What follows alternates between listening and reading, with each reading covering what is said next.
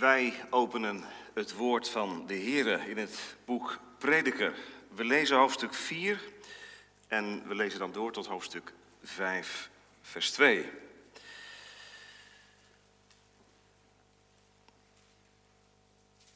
We openen het woord van de Here waar we het van moeten hebben. Ook juist in deze tijd. Prediker 4, we beginnen te lezen bij vers 1, we lezen door tot 5, vers 2.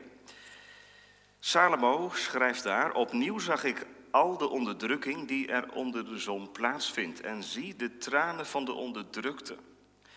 Zij hadden echter geen trooster. Aan de kant van hun onderdrukkers was macht, zij daarentegen hadden geen trooster. Daarom prees ik de doden die al gestorven waren boven de levenden, omdat die nog steeds in leven zijn. Beter af dan die beide is wie er nog nooit is geweest. Die niet gezien heeft het kwaad doen dat er onder de zon plaatsvindt. Verder zag ik van al het zwoegen en alle bekwaamheid bij het werk dat het iemand afgunst oplevert van zijn naaste. Ook dat is vluchtig, een najagen van wind. De dwaas vouwt zijn handen samen en eet zijn eigen vlees. Een handvol rust is beter dan beide vuisten vol zwoegen en najagen van wind. Opnieuw zag ik iets vluchtigs onder de zon. Er is er één en geen tweede.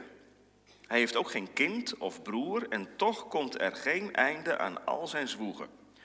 Ook wordt zijn oog niet verzadigd van rijkdom. Nooit is het, voor wie top ik mij af en laat ik mijzelf het goede ontbreken? Ook dat is vluchtig en een treurige bezigheid. Twee zijn beter dan één, want samen krijgen zij een goede beloning voor hun zwoegen. Want als zij vallen, helpt de een zijn metgezel overeind. Maar wee die ene die valt, terwijl er geen tweede is om hem overeind te helpen. Ook als er twee bij elkaar liggen, hebben zij warmte. Maar hoe moet één alleen warm worden? En als iemand de een overweldigt, zullen die twee tegen hem stand houden. Een drievoudig snoer wordt niet snel gebroken. Beter een arme, maar wijze jongeman dan een oude, maar dwaze koning die van geen waarschuwing meer wil weten. Ja, iemand komt uit de gevangenis om koning te worden, terwijl iemand die in zijn koninkrijk is geboren, verarmt. Ik zag al de levenden onder de zon omgaan met de jonge man, de tweede die voor hem in de plaats kwam. Er komt geen einde aan al het volk, aan allen die er voor hen waren. Ook zullen zij die later komen zich niet over hem verblijden. Ja, ook dat is vluchtig en najagen van wind. Let op uw voeten als u naar het huis van God gaat. Het is beter dat men naderbij komt om te luisteren dan om als dwazen een offer te geven, want die weten niet dat zij kwaad doen. Wees niet te snel met uw mond en laat uw hart zich niet haasten een woord te uiten voor het aangezicht van God. Want God is in de hemel en u bent op de aarde. Laat daarom uw woorden weinig in aantal zijn. Tot zover de schriftlezing. Straks naar de preek zingen we Psalm 93, vers 1 en 4 over Gods macht die groot is en zijn trouw die nooit zal vergaan. Psalm 93, vers 1 en 4. Misschien ten overvloede, maar voor de gezinnen thuis vooral. Um, er is een, um, een document met vragen, dus dat kunt u ook na de dienst of misschien tijdens de dienst al gebruiken om het gesprek, in ieder geval na de dienst, wat op gang te brengen en wat gerichter te kunnen luisteren. Misschien mag ik ook beginnen met de kinderen, want het is natuurlijk ook voor jullie weer pittig. Weer minder naar de kerk en weer van een afstand naar de dominee luisteren. Vanmorgen zal het gaan over prediker 4, vers 17. En als thema staat boven de preek Bijbelse drempelvrees. Wat is nou drempelvrees, kinderen? Drempelvrees. Het is wel even geleden dat je naar school bent gegaan, misschien wel voor het eerst naar school gegaan. En toen had je misschien wel een beetje een spannend gevoel in je buik. Hoe komt dat? Thuis was het zo fijn. En toen die eerste schooldag in september ging je naar school toe. De drempel van de school moest je over en je vond dat zo spannend. Weet je wat jij hebt meegemaakt? Jij hebt meegemaakt dat je naar iets toe ging wat anders is dan thuis. En dat zorgde voor een, voor een drempel. Drempelvrees, daar zit het woordje angst in, hè? Nou, sommige ouderen herkennen dat ook wel. Drempelvrees, de angst om ergens naartoe te gaan. Zeker in deze coronatijd. De winkel zomaar binnen te stappen, drempelvrees. Maar is er dan ook bijbelse drempelvrees? Ja, die is er. Volgens Prediker 4, vers 17. Let op uw voeten als u naar het huis van God gaat. Misschien is er iemand die zegt, dominee, wat een tekst. Het is kerkproeverij. Dan moet je iets uitnodigends doen. Proef en smaak dat de Heer goed is. Dit is een tekst die eigenlijk een, een waarschuwing weergeeft. Wat moet dat? Hoe moet dat nou met de mensen die misschien meeluisteren en die voor het eerst eh, een dienst meemaken? Ik ga er gewoon van uit dat ze meekijken vanmorgen. En die horen, let op uw voeten als u naar het huis van God gaat. Ga niet zomaar naar de, naar de kerk. Ja, en toch. Toch is het heel goed om dit te horen. Niet alleen voor iemand die niet gewend is om naar het huis van God te gaan, maar ook voor ons die gewoon zijn om naar het huis van God te gaan. Waarom dan toch die bijbelse drempelvrees? Twee gedachten. Allereerst omdat we naar het huis van God gaan. Daarom. We gaan ergens naartoe. En in de tweede plaats, omdat we voor Gods aangezicht komen. En dat zit in het tweede gedeelte van vers 17. Het is beter dat men naderbij komt om te luisteren. En dan gaat het om het luisteren, het horen naar wat God te zeggen heeft. Dus bijbelse drempelvrees, toch wel. Omdat we naar het huis van God gaan. En omdat we voor Gods aangezicht komen. Gemeente, gasten. Jonge mensen, niemand van je ouders zal ooit gezegd hebben: pas op, we gaan naar de kerk. Misschien hebben ze wel eens gezegd van: kom, ga nou mee. We gaan naar de kerk. Maar zo in de trant van Prediker 4, vers 17, let op je voeten als je naar het huis van God gaat. We letten overal op. Misschien let u op uw kleding als u naar het huis van God gaat. In deze tijd letten we op onze handen. We komen niet zomaar meer de kerk binnen. Zonder gedesinfecteerde handen. Maar letten wij ook nog op onze voeten, gemeente? Waar komt dit vandaan? Deze spreuk van Salomo. Die staat in een bepaald verband. En dat verband zag ik eigenlijk niet direct, u misschien ook niet, maar het zit er wel, is er wel. Het is de eerste keer in Prediker dat Salomo het huis van God noemt in deze tekst. Het komt op uit de lucht vallen voor je gevoel. Maar het heeft alles te maken met het voorafgaande. We hebben Prediker 4 gelezen. En wie een beetje gepeild heeft wat Salomo daar bedoelde, die ziet zomaar de lijnen lopen naar vandaag. Eenzaamheid. Verdriet, daar ging het over. Onrust. Zwoegen. Herkenbare elementen in onze tijd, denk ik.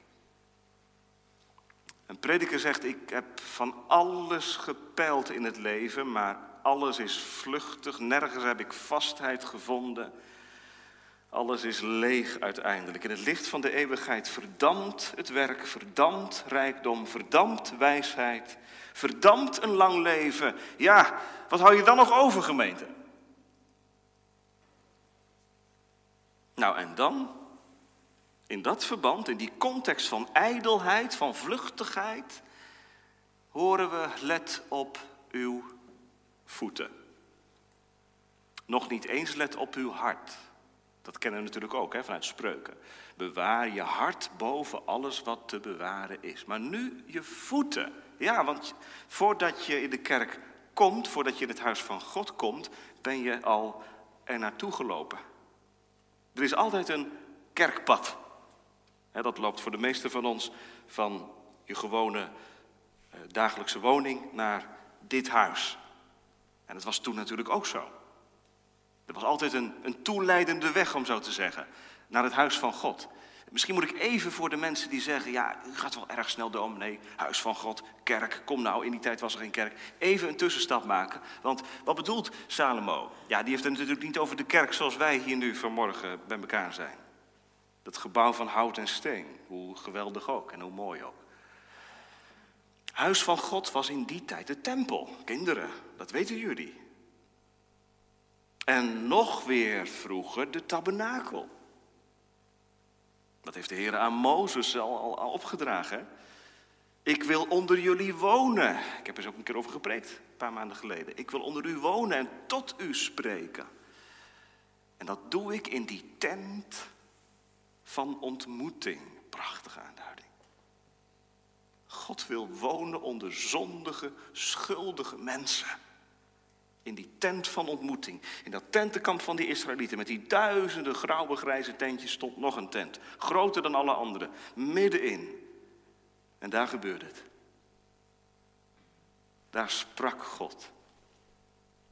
Tot zijn volk. Middels de priesters, middels de offerdienst. En daar heeft Salomo het over. Let op je voeten als je naar het voorhof gaat. Waarvan wij gezongen hebben. Hoe branden mijn genegenheden. Prachtig die psalm. Ik hoop dat u het herkent. Het verlangen om naar de kerk te gaan. Nou ja, dat is ook een van de overwegingen geweest. Om zo'n dubbele dienst nu dan te realiseren. Hè, om de kerkgang erin te kunnen houden voor de meeste van ons. Maar goed, vanmorgen gaat het over de kerk, over het huis van God. En kun je dan wel zo makkelijk zeggen, het gaat ook over de kerk. Let op uw voeten als u naar de kerk gaat. Nogmaals, gemeente, het huis van God in de zin van een tempel hebben wij niet meer. Wat hebben wij dan wel? Een gemeente. En die komt samen, in dit geval in de Victorkerk. Ze komen samen onder golfplaten. Ze komen samen in flatgebouwen, in ondergrondse kelders. Gemeente, Gods kerk komt overal in de wereld, op allerlei plaatsen, op allerlei manieren samen. En overal waar zijn gemeente samenkomt, daar is het huis van God. Leest u maar in Hebreeën 3, vers 6. Wij zijn zijn huis, staat daar. Dus u hebt gelijk als u zegt, ja, je kunt niet zomaar 1, 2, 3 de toepassing maken naar de kerk. Let op uw voeten als u naar het huis van God gaat. Dat is daar waar zijn gemeente samenkomt. Waarvan Jezus zei, waar twee of drie in mijn naam bijeen zijn, daar ben ik. Dat is mijn huis. Dat betekent natuurlijk ook dat daar een zekere, um, zeker verband zit hè, tussen beleiden dat je van Christus bent en horen bij een gemeenschap. Overal zie je dat in de Bijbel.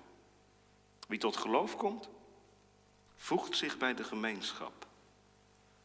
De eerste christelijke gemeente was een gemeente die volhardde in de gemeenschap, in het samenkomen, in het samen zijn. Daarom ook in deze tijd. Die gemeenschap bevorderen. Hoe lastig het ook is, hoe moeilijk het ook is. Goed, let op uw voeten. Waar gaat het dan vanmorgen over? Dan gaat het over onze houding. Hoe komen wij naar de kerk? Als u, als jij een uitnodiging krijgt om naar de koning te gaan, reken maar dat je dan drempelvrees hebt. Je kijkt je kleding er nog eens op na. Je gaat je afvragen, hoe zal de koning mij vinden? Hoe zal de koning mij zien? Wat voor houding moet ik aannemen? Ik kan daar niet zomaar binnenvallen. Nou, als dat bij de koning zo is, zo zou het bij het huis van God ook moeten zijn. Er zit een drempel in. Een bijbelse drempel. Gemeente, het huis van God, waar de gemeente samenkomt, is niet hetzelfde als een sportclub. Of een biljartvereniging. Waar mensen die hetzelfde vinden en hetzelfde doen, bij elkaar kruipen. Nee, het gaat erom in de kerk dat we God dienen op een hem welgevallige wijze, zegt Hebreeën 12. Met ontzag en met eerbied. De kerk is geen neutraal terrein. Huis van God is een plaats waar God is. Het staat erbij, het huis van God. Daar woont Hij zelf. Laat ik u een verhaal mogen vertellen Zoals Jezus dat zelf vertelde.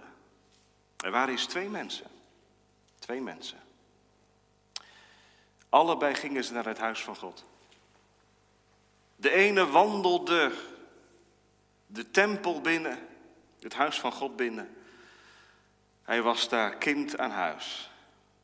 Hij kwam er al jaar en dag en hij wandelde recht naar voren toe, tot dicht bij het altaar. En hij ging danken, ik dank u,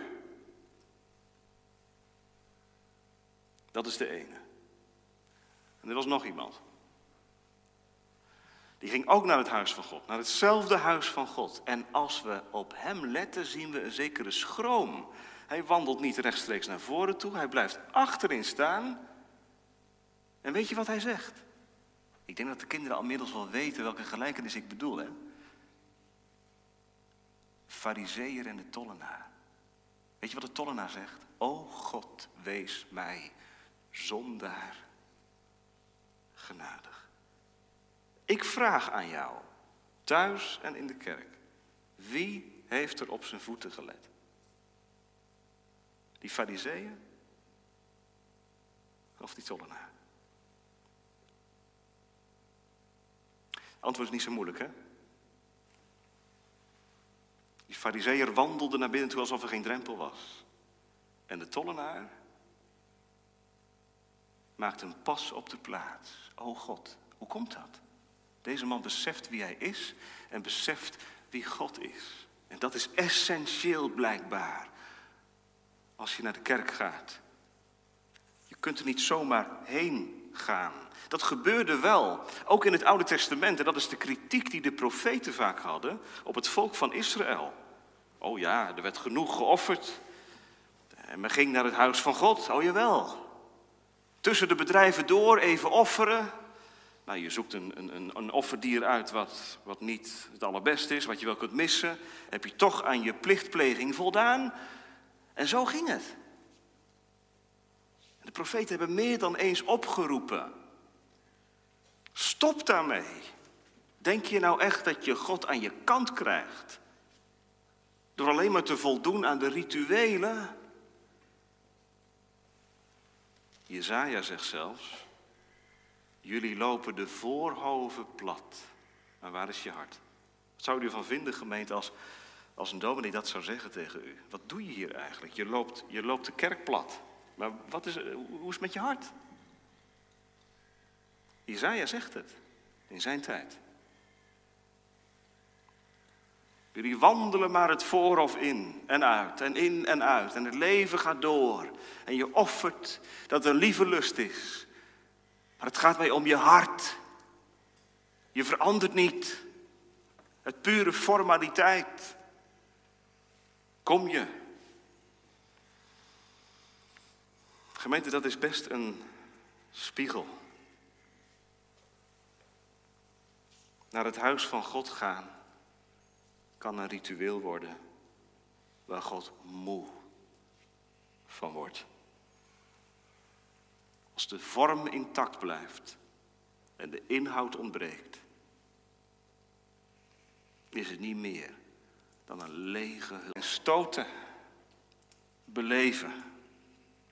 En het kan per week ineens heel anders gaan. Dat hebben we met elkaar deze week meegemaakt. Wat ik vurig hoop is dat, dat wij, wat wij zo vanzelfsprekend vonden, ik in Klaas. Dat we dat weer gaan herbeleven als een wonder. Ik heb het u wel eens verteld, geloof ik, hè, dat, dat er een, um, een hoogleraar was die een boekje schreef, 50 jaar geleden ongeveer, met de titel Waarom zou ik naar de kerk gaan? En die hoogleraar die schreef dat boekje nadat hij zelf om gezondheidsredenen in de kerk terecht kwam zitten. Hij kon niet meer voorgaan. En dat was voor hem een hele, hele helpende en zuiverende periode. Hij noemde maar liefst 21 redenen om naar de kerk te gaan. Ik ben benieuwd hoe ver ik zou komen of u zou komen. Als die vraag gesteld zou worden. Waarom zou ik naar de kerk gaan? 21 redenen. En waarom heeft hij dat boekje gepubliceerd? Omdat hij er ook achter kwam bij zichzelf en bij anderen. Dat kerkgang ook kan uithollen. Dat je een plaats vult, maar dat het hart niet verandert. Dat is iets aangrijpends. Misschien kent u de schrijver Geert Mak. Hij heeft een boek geschreven, Hoe God verdween uit Jorwet. En wie wel eens in Jorwet geweest is en de kerk bezocht heeft, die weet dat er boven de toegang van, van de kerk staat: Bewaar uw voet als gij ten huize Gods ingaat. Dat staat boven de, boven de toegang naar de kerk. Hoe God verdween uit Jorwet. De kerk liep leeg. Hoe kan dat? Het gaat mij er helemaal niet om te oordelen over, over Jorwet of zo, maar het is de spiegel naar onszelf toe. Mag het vanmorgen? Let op uw voeten als u naar het huis van God gaat. Want we zijn er niet met volle kerken. Misschien dachten we dat in de achterliggende decennia in de gereformeerde gezindte. Als je een volle kerk hebt, dan ben je er. Secularisatie, ja, Friesland, Noord-Holland, daar waar de kerken allemaal leeglopen, vreselijk. Maar ja, de prediking is natuurlijk ook slap enzovoort. Gemeente, secularisatie begint hier van binnen. Dat is de secularisatie van ons hart.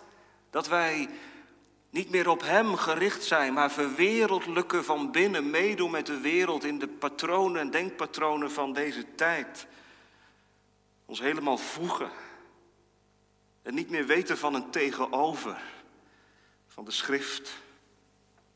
Alles kan doorgaan, kerken kunnen volgaan, volkomen, maar als je hart niet georiënteerd is op de levende God, dan ben je zelf in de greep van dat woord wat we zo vaak horen. Secularisatie. Let op uw voeten. Als er gasten meeluisteren vanmorgen, dit is een tekst allereerst voor de mensen die, mag ik het zo even zeggen, die bij de kerk horen. Dat is bedoeld voor je vriend die jou de link vanmorgen stuurde. Waarvan je weet, oh ja, hij is lid van deze gemeente. Let op uw voeten. Waarom let op uw voeten? Heeft dat alleen te maken met naar de kerk gaan? Nee, ook met uit de kerk komen. Dat is eigenlijk het vervolg van prediker 5.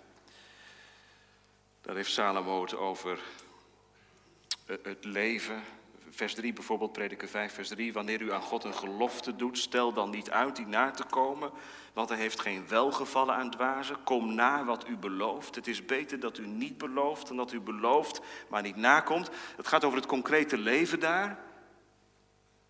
Salomo zegt, let op uw voeten. Doe nou niet alsof naar het huis van God gaan iets is wat tussen de bedrijven door kan en dat je dan je oude leven weer doorzet tot de orde van de dag overgaat. Het gaat om bekering, gemeente. Mag ik dat woord vanmorgen gebruiken? Het gaat om bekering. Let op uw voeten als u naar het huis van God gaat. Wat is bekering? Dat je een ander mens wordt. Andere gedachten over God en over jezelf krijgt. Op andere gedachten gebracht wordt. Door het woord wat klinkt. Vroeger was dat de offerdienst. Hè? Als iemand naar de tempel of naar de tabernakel ging, dan, dan zag hij van alles. En hij hoorde van alles. En hij rook de geur. Dat is vandaag anders. Wij leven in de nieuwe bedeling. Wij moeten het doen met wat wij horen en in de sacramenten zien. Die ingang gebruikt God om ons op andere gedachten te brengen. Let op uw voeten als u naar het huis van God gaat. U vraagt zich misschien af, ja, maar wat is dat dan? Op andere gedachten brengen en uh, wat gebeurt er dan in de kerk? Nou, dat is onze tweede gedachte, omdat we voor Gods aangezicht komen. Het is beter, vervolgt de tekst, dat men naderbij komt om te luisteren, dan om als dwazen een offer te geven. Want die weten niet dat zij kwaad doen. Wat bekritiseert Salomo? Dat is dat tussen de bedrijven door even naar de tempel gaan. Als een dwaas een offer brengen. En denken dat je daarmee God af kunt kopen. Nou, ik vertaal het maar even naar vandaag. Denken dat je met de kerkgang een vloeitje kunt leggen voor de zaligheid. Denken dat je met eh, religieuze verplichtingen een bepaald fundamentje legt voor je redding. Nee, zegt Salomo, het is beter dat men naderbij komt om te luisteren. De kerk is geen plaats om iets te brengen, om iets te, eh, te, te presteren, maar het is een plaats om te ontvangen. Dat gaat heel erg tegen ons in. Maar dat is wel het accent wat Salomo legt. Kom dichterbij om te luisteren. Daar zit een nodiging in, hè? Daar zit een nodiging in. Kinderen, kom dichterbij. Als je nou drempelvrees hebt. Wat voor drempelvrees? Nou, omdat God zo heilig is. En jij zo onheilig. Omdat je deze week er weer zo hard tegenaan liep. Dat je onverbeterlijk bent. Omdat je er deze week weer achter kwam. Dat je met al die goede woorden al die beloften die je gedaan hebt, gestruikeld bent. Dan zegt de Heer vanmorgen, kom maar dichterbij. Je hoeft niet eens achterin te blijven staan. Schoorvoetend wellicht, maar je mag, mag dichterbij komen om te luisteren. Zou dat ook niet het geheim zijn geweest van, van de zegen van, van de tollenaar? Ik vertelde dat, die gelijkenis net. Hè. Wie gingen nou gelukkig naar huis, kinderen? Wie ging er nou als een gezegend mens naar huis toe? Wie was er veranderd? De fariseer die in zijn snelle leven even naar de tempel ging om te danken, of de tollenaar die met het schaamrood vanwege zijn zonde naar de kerk ging om te beleiden dat hij zondaar was. De Bijbel zegt het, de tollenaar ging gerechtvaardigd af naar zijn huis. En dat is de nodiging die ik vanmorgen ook mag doen. De kerk is niet bedoeld voor nette mensen. Wat dat betreft mogen we heel laagdrempelig zijn. En willen we dat ook zijn. Laagdrempelig voor outsiders. Voor mensen die er niet bij horen. Die mogen komen. En of ze er nou picobello uitzien of niet. Het gaat om ons hart en dat hart moet veranderd worden. Dat is ook de ernst die in dit woord meeklinkt. Als je hart niet veranderd wordt en je kerkgang niet meer was dan inderdaad die lege huls, daarmee kun je niet voor God verschijnen. Het is beter dat je nu dichterbij komt om te luisteren. Naar wie, zegt iemand? Naar God. Prediker 5, vers 1. Wees nou niet te snel met je mond. Herken je dat? Dat je in de kerkbank God vaak in de reden valt. Er wordt iets gezegd, verkondigd. En je valt God in de reden. Je corrigeert hem. Je betwijfelt wat er gezegd wordt. Wees niet te snel met uw mond. En laat uw hart zich niet haasten een woord te uiten voor het aangezicht van God. Want God is in de hemel en u bent op de aarde. Het is wat. En misschien vindt u dat wel heel uh, bijzonder. Als u voor het eerst vanmorgen eh, betrokken bent op zo'n dienst, dat u zegt, ja, er staat een man voorin, die staat aan het woord. Eh, het gaat om de kerkdienst. Dit is de manier die God heeft uitgekozen om vandaag zijn lieve zoon, Heer Jezus Christus, te verheerlijken. Door de dwaasheid van de prediking. Door mensen te gebruiken als u en ik. Niet rechtstreeks, maar door middel van het woord wordt vanmorgen het woord verkondigd. Je bent voor Gods aangezicht gemeente. Heilige grond dus. En dan geldt maar één ding. Pas op dat je hem die spreekt niet verwerpt. Pas op, dat kan. Dat je het woord naast je neerlegt. Wat gebeurt er in de kerkdienst? Wat er gebeurt, gemeente? God neemt het woord. En mensen luisteren. En er gebeurt wat er bij Lydia gebeurde. Lydia luisterde, ze gaf acht op dat wat Paulus zei. En Heilige Geest gebruikt het om binnen te komen in haar hart en haar tot overgave te brengen. Niet met het mes op de keel, maar door de aandrang van de liefde wordt zij iemand. Opnieuw geboren. Met een levend geloof. Weet dat gebeurt in de kerk. Waarom is dat dan nooit bij mij gebeurd, zegt iemand. Dat weet ik niet. Maar één ding weet ik wel. Als je op je voeten let en niet zomaar meer neerploft. Je kerkbank of op je bank thuis. Waarin de gestalte van de tollenaar het uitroept, o God, wees mij zondag genadig. Ik moet voor u verschijnen en ik zou niet weten hoe. Hoe dat moet. Ik merk dat we in crisistijd leven. Is zoveel onzeker. Hoe zal komende week gaan? Ik weet het niet. Wie in de nood tot God roept en zijn woord ter hand neemt. Ik verzeker u, God laat geen bidden staan. Let op uw voeten als u naar het huis van God gaat en luister. Het is beter dat men naderbij komt om te luisteren. Ja, maar mijn hart staat niet open, zegt iemand. Weet u, dat staat hem niet in de weg. Gods hart staat open. Zijn hart, wat in Jezus Christus bloedt aan het kruis. Waar hij het uitriep voor schuldige verloren mensen. Het is volbracht. Deze God van alle genade prijs ik je aan. Hij is benaderbaar. Kijk, dat is het voorrecht van de nieuwe bedeling. Je kon niet zomaar als ehm, gewoon Israëlietje eh, naar binnen lopen. Dat deden de priesters.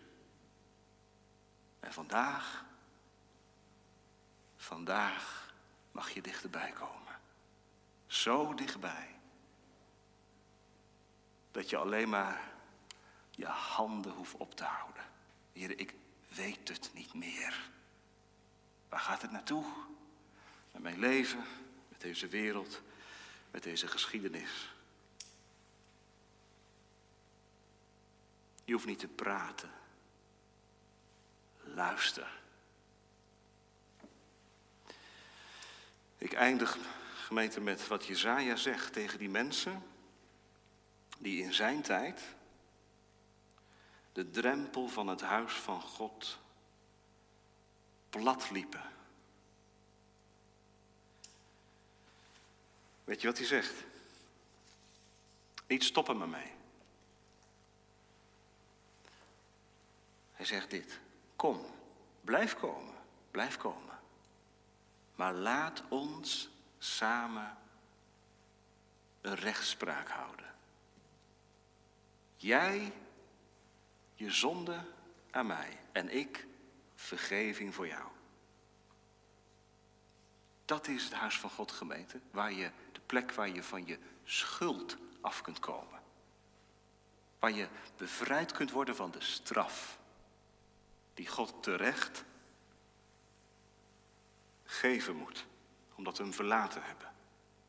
De kerk is de plaats waar Christus met zondaren samenwoont. Nou kinderen, er is geen plaats ter wereld waar dat praktijk is. Op allerlei andere plaatsen moet je je goed voordoen. Of je zelfs beter voordoen dan je bent. En in de kerk, in het huis van God, let op je voeten. Maar kom dichterbij om te luisteren.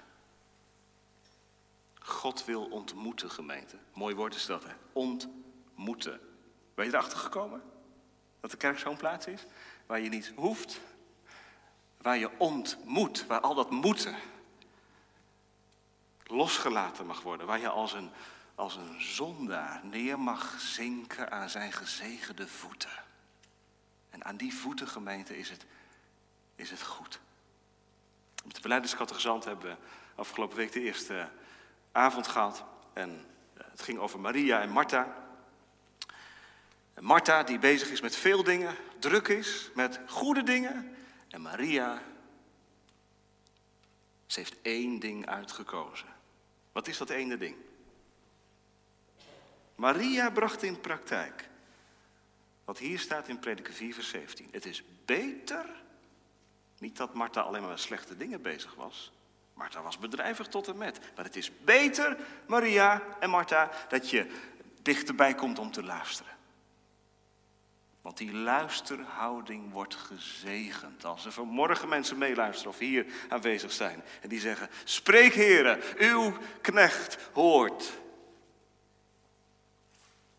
Let op dat u hem die spreekt niet verwerpt. Heeft hij gesproken dan?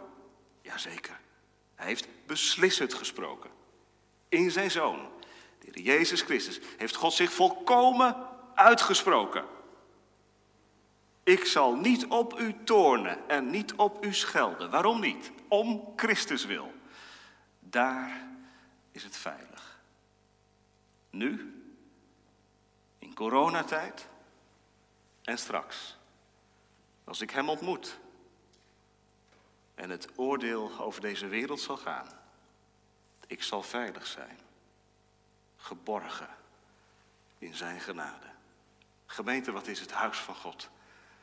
Toch een, een heerlijke plaats. Want daar kom ik erachter wat genade is. Amazing grace. Dat ik die het niet verdien. Mijn vrijheid niet afkoop, maar ontvang voor nu en eeuwig. Amen.